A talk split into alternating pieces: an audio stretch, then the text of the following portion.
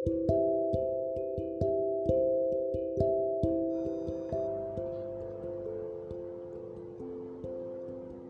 guys, gimana kabarnya?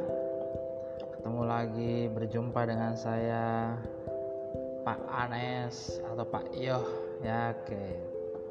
Nah kemarin kita bahas tentang di episode bekal masa depan, ya kan? Nah kali ini gue mau masuk ke segmen yang kedua yaitu maksudnya episode kedua ya. Bekal masa depan juga. Cuman di sini ada sedikit pengalaman yang baru didapat sih ya. Pengalaman maksudnya yang gua temui ya.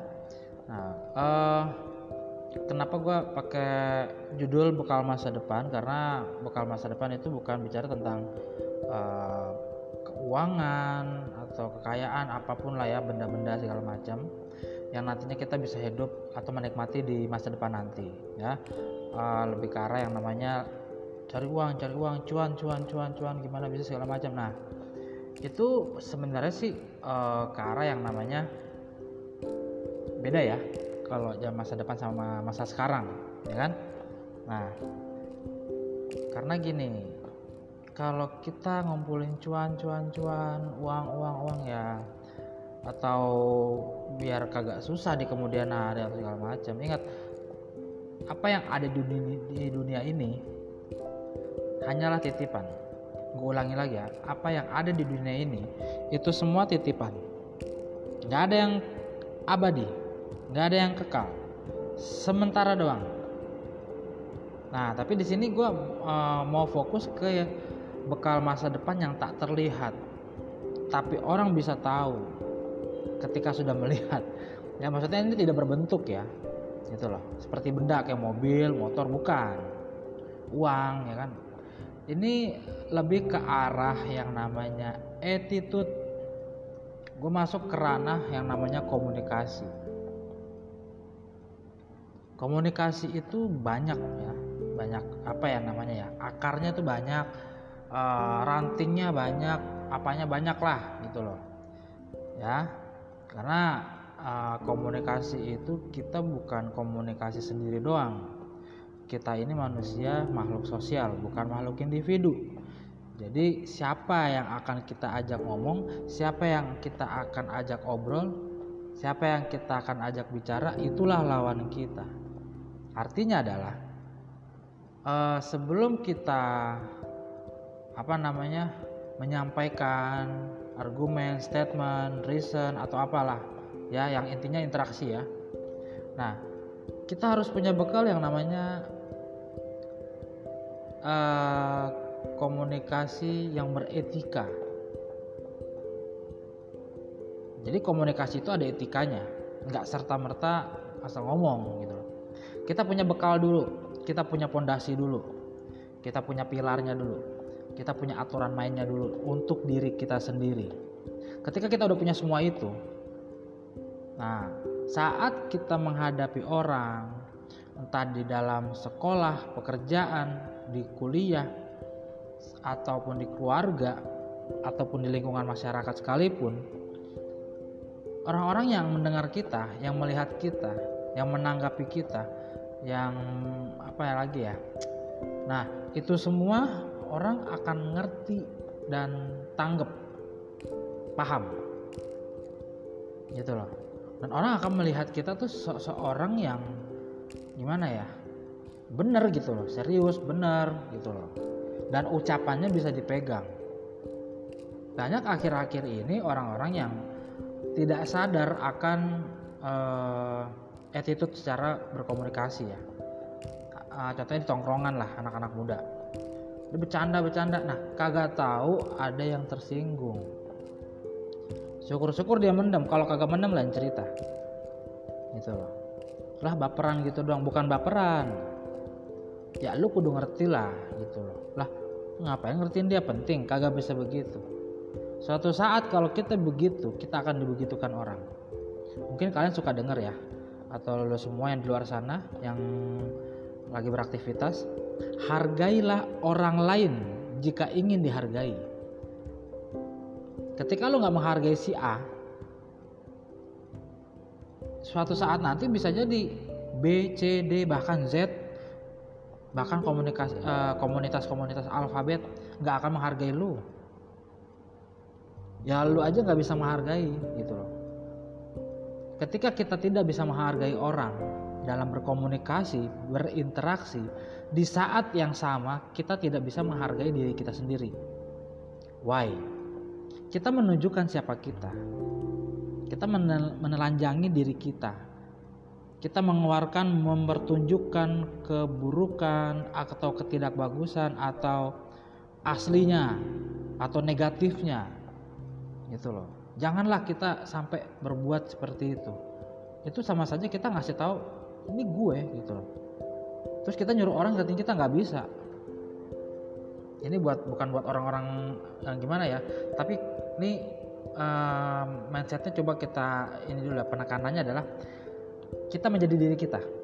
Jadi uh, janganlah kita begitu ke orang lain lah maksudnya begitu loh ya. Mau orang lain itu kagak ngerti mau orang lain itu gimana ya udah biarin aja.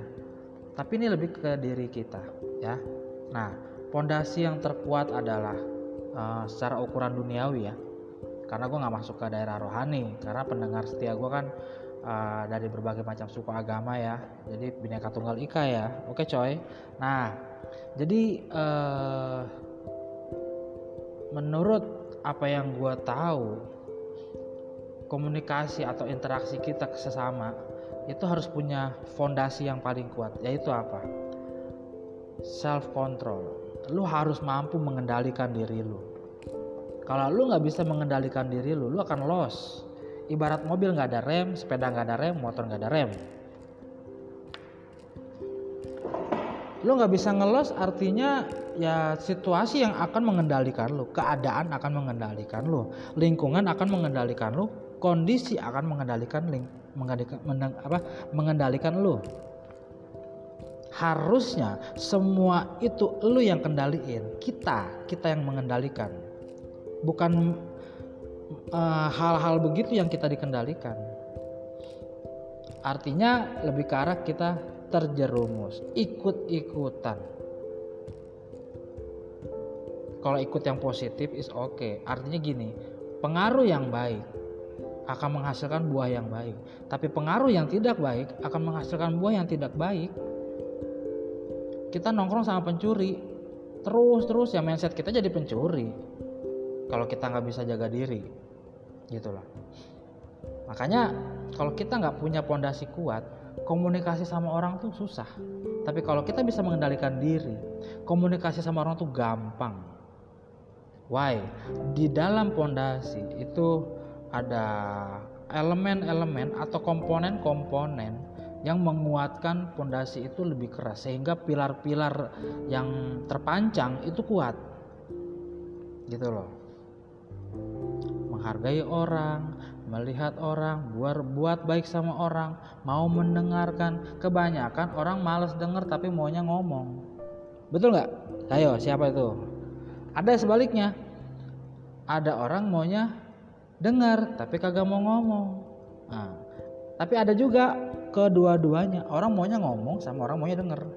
Nah, kebanyakan kita uh, orang maunya orang dengerin kita. Tapi ketika orang lain gantian ngomong ke lu lu nggak mau denger. Nanggapnya biasa aja be aja gitu loh. Apaan sih nggak jelas. Nah nggak bisa gitu coy. Lu egois namanya. Makanya kalau bicara komunikasi itu sifatnya sebenarnya general umum universal luas kenapa? Karena dari mulai kita kecil sampai detik ini gue nggak tahu umur lu pada berapa ya. Lu udah bertemu banyak orang mau dari yang mulai lu paling kenal sampai lu nggak kenal menjadi kenal. Contohnya lu suka mungkin suka langganan beli apa gitu di warung apa jajan apa. Kan jadi kenal kan kalau sering nah ada interaksi kan. Pasti. Nggak mungkin nggak? Atau orang nggak sengaja lu lagi di mana eh, pinjam korek dong. Nah basa basi kan awalnya hmm. atau kesenggol motor kegesek lah lecet lah. Hmm. Kan ada itu interaksi gitu jadi kalau kita punya pondasi yang kuat bisa mengendalikan diri itu udah otomatis kita ngomong sama siapa pun enak. Gitu loh banyak yang mau dengar banyak yang mau nanggapin tapi kita kadang tidak sadar ada tabiat atau kejelekan yang sifatnya umum rata-rata orang motong pembicaraan. Ini kan karena bahas tentang etika berkomunikasi. Gitu loh. Janganlah lu motong pembicaraan orang karena lu sendiri nggak akan mau dipotong. Kalau lu motong pembicaraan orang artinya lu uh, kita kita sudah memberikan informasi yang sangat valid. Ini lo gue. Orang besok nggak akan mau lagi ngomong sama lu. Mungkin hari itu doang. Gitu loh. Misalkan gue ngomong nih. Eh orang ngomong nih sama gue. Gue dengerin nih tiba-tiba gue potong. Gue yakin dia nggak bakal mau ngomong sama gue lagi. Uh, kita harus lihat harus tahu lawan kita karena lu nggak tahu siapa dia. Lu kenal kayak gimana pun lu nggak akan tahu isi hatinya. Ingat karakter sikap sifat tidak terlihat ketika orang sedang berbicara. Tapi orang yang mempunyai pondasi kuat dia bisa melihat uh, orang yang berkomunikasi atau orang yang mendengarkan lu lagi ngomong sama orang itu lu akan bisa lihat ketika lu punya pondasi kuat. Why? Ketika lu ngomong lu punya pondasi kuat nih. Lu ngomong dengan baik bagus enak didengar bijak lah ya komunikasi cakep. Kalau dia motong pembicaraan lu kan lu langsung tangkep dong. Tapi kalau dia nggak mau potong pembicaraan apa kalau tahu dia nanggepin apa enggak dengerin apa enggak? Nah,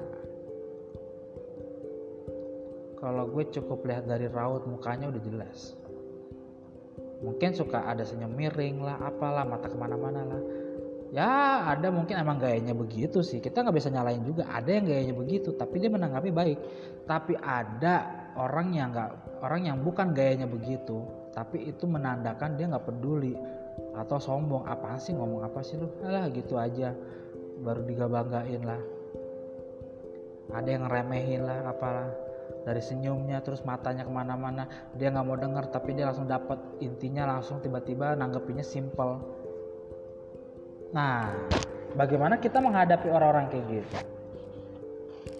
Ngadepin orang-orang kayak gitu ya seadanya aja. Yang penting kita ngomong sepentingnya se apanya segamblangnya aja selesai. Nggak usah Up, misalnya lu dapat penggaris 5 cm janganlah lu tambel pakai isolatif atau lakban lu tempel lagi penggaris yang 5 cm menjadi 10 cm jangan. Kalau lu dapat 5 cm ya udah itu yang lu punya jadi lu ngomong kalau udah yang lu mau bahas itu konteksnya topiknya itu judulnya udah itu udah. Jangan lu tambahin lagi. Ketika orang ngomong sama lu jangan sekali kali lu potong. Begitu sebaliknya. Gue pernah ngomong nggak dipotong. Gitu loh. Tapi bahkan orang lain yang motong. Ada lo ngomong dia nggak motong tapi ketik lo ngomong dia nggak motong. Tapi ketika dia ngomong lo potong. Ih parah banget ya nggak? Banyak kejadian kayak gitu. Ini lebih ke arah yang namanya komunikasi uh, yang namanya ada yang dibicarakan lah. Karena kenapa gue bilang komunikasi itu perlu etika? Di masa depan nanti lu sekolah, lu kuliah, lu kerja, lu berhadapan sama orang-orang yang luar biasa dan lu nggak pernah tahu seperti apa. Dan banyak orang yang mungkin lu lihat secara kasat mata B aja, tapi lu nggak tahu dalamnya kayak gimana. Iman tidak bisa diukur. Karakter orang tidak bisa dilihat. Sifat orang tidak bisa disentuh. Tuh, perhatikan baik. Tapi mau gimana pun, kita ya pondasi harus kuat dulu lah.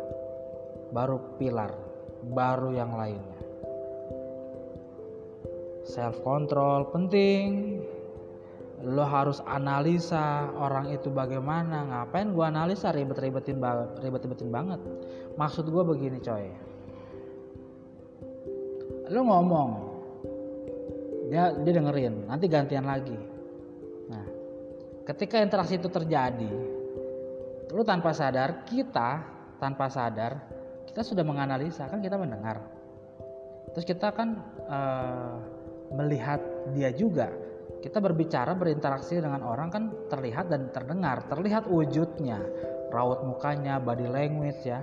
Banyak orang yang berkomunikasi menggunakan body language. Ada yang enggak ada yang datar dan rata gitu jadi itulah. Oh pasti lu berpikir loh oh begitu tuh maksudnya gitu. lu bahkan bisa tahu orang itu kayak apa. Bahkan kalau analisa lu tajam lu bisa tahu apa yang mau disampaikan uh, abis kalimat itu gue tahu lu mau ngomong apa abis itu. Dalam hati ya. Kenapa ini penting? Karena ini sangat berpengaruh di masa depan dengan apa yang kita kerjakan. Kalau kita tidak memiliki etika berkomunikasi orang nggak akan respect dalam hal apa pun. Attitude secara sikap banyak yang udah ketipu. Dia sopan banget ya. Tapi kalau udah ngomong belum tentu lu nyaman. Karena dia orangnya nggak bagus etika berbicaranya. Bahkan sebaliknya ada yang ngomongnya manis banget. Cakep banget etikanya berbicara. Dia nanggepin dengerin tapi dia punya sikap nggak bagus gitu loh. Tapi banyak juga orang yang sikapnya bagus sudah pasti komunikasinya bagus. Rata-rata begitu. Itu yang gue temuin ya. Gue udah ketemu sama banyak orang dari model-model tadi. Sikapnya bagus komunikasinya nggak bagus. Sebaliknya juga ada kedua-duanya juga ada. Ada ya kalau komunikasi nggak bagus ya sikap nggak bagus itu banyak. Ada juga bukan banyak ya ada lah ya. Tapi yang komunikasi bagus sikapnya bagus ada juga gitu loh. Sopan gitu loh sopan santun. Uh, kalau orang Jawa bilang itu unggah unggunya tuh ada itu loh. Sampai-sampai lewat aja sampai nunduk. Entah yang dia lewatin tua atau muda dia nunduk.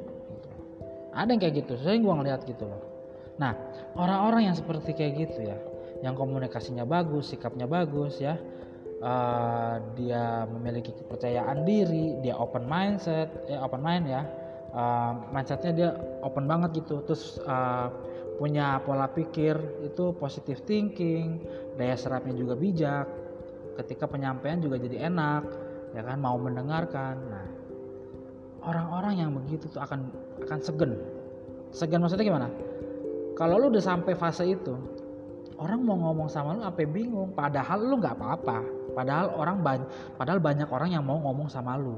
Banyak seneng lah deng, seneng denger apa yang lu sampein gitu loh. Mau bag mau en apa mau topiknya mantep apa enggak enak aja gitu ngomong sama lu gitu loh.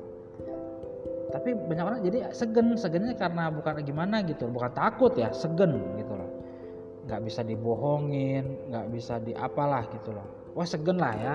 Nah so uh, kita belajar sedikit demi sedikit bukan lulu orang doang yang belajar. Gue juga masih belajar bagaimana gue ngomong agar tidak menyinggung.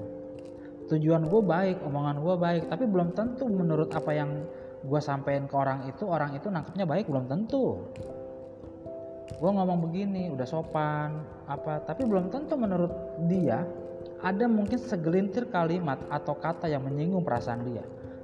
Nggak ada yang tahu loh. Makanya gue masih belajar sampai detik ini uh, gimana ya gue kalau ngomong biar orang tuh nggak tersinggung gitu loh. Banyak sih yang nggak tersinggung malah banyak yang seneng ngobrol sama gue ngomong curhat dan sebagainya. Tapi kan nggak itu itu doang yang gue ketemu orangnya. Gue akan ketemu orang yang lain-lain lagi dengan kapasitas yang berbeda gitu. So uh, ini mungkin uh, segmen yang apa ya?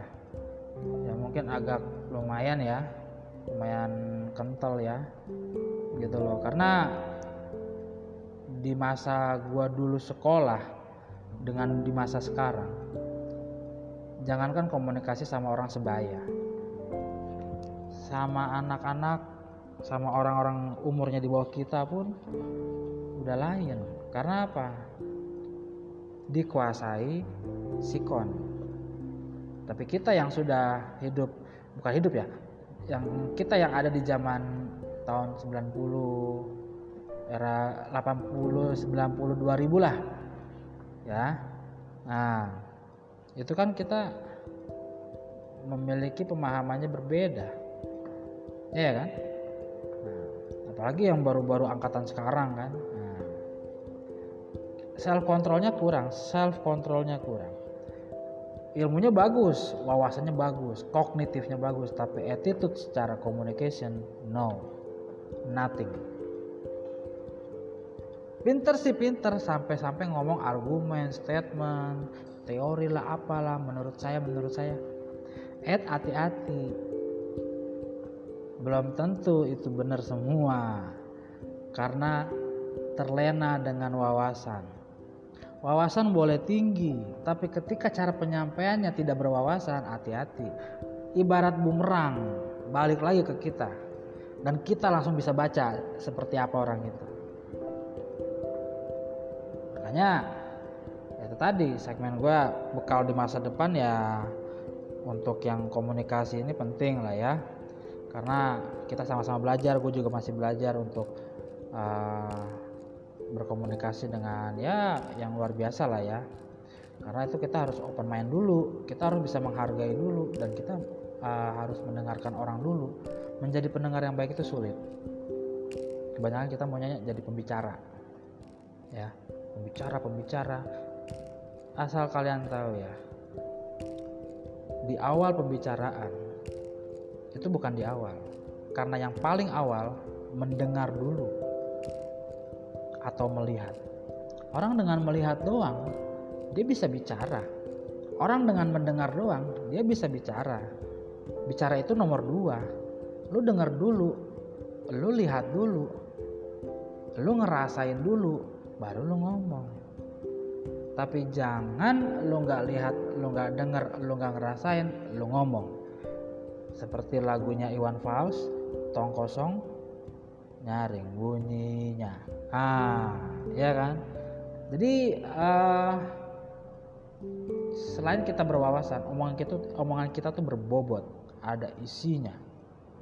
Sehingga kehidupan kita juga bagus, baik, lancar, pekerjaan, sekolah, kuliah. Kalau kita memiliki attitude komunikasi yang baik dengan didampingi sikap kita juga baik kepada orang, orang akan segan. Di saat itulah kehidupan kita juga berjalan dengan lancar dan baik. Ini dari sisi duniawi ya. Kalau dari sisi kerohanian ya, gue nggak bisa menjelaskan secara detail ya, karena gue bukan pendeta ya kalau secara rohani ya ya itu kan salah satu perintah yang yang maha kuasa ya loh udah salah satu perintahnya kita harus baik sama orang gitu loh nggak ada alasan sebenarnya nggak ada alasan dan nggak ada yang nggak ada yang enggak udah salah satu tugas kita mutlak itu bantu orang lain ya. Baik sama orang lain juga maksudnya ya. Gitu loh. Kalau kita baik sama orang ya kita mau kita menghargai ciptaannya yaitu Tuhan kita gitu loh. Kita kita diciptain. Jadi kita harus jaga diri kita dengan baik jaga diri orang dengan baik terutama jaga perasaan oke. Uh, mungkin akan ada pembahasan lebih lanjut nggak tahu di segmen berapa ya. Uh, itu aja sih dari gua ya. Semoga berguna bermanfaat. Uh, mohon maaf jika ada salah kata lu bisa komen kayak bisa apa kayak gitu loh ya. Ada salah kata salah kalimat dan lain sebagainya. Uh, dan juga semoga apa yang menjadi perenungan kita kita sama-sama belajar. Selain kalian gue juga masih belajar ya nggak ada manusia yang finish akan tetap berlari terus finish itu ketika sudah selesai tanggung jawabnya di bumi oke baik itu aja sampai jumpa See you again. Bye.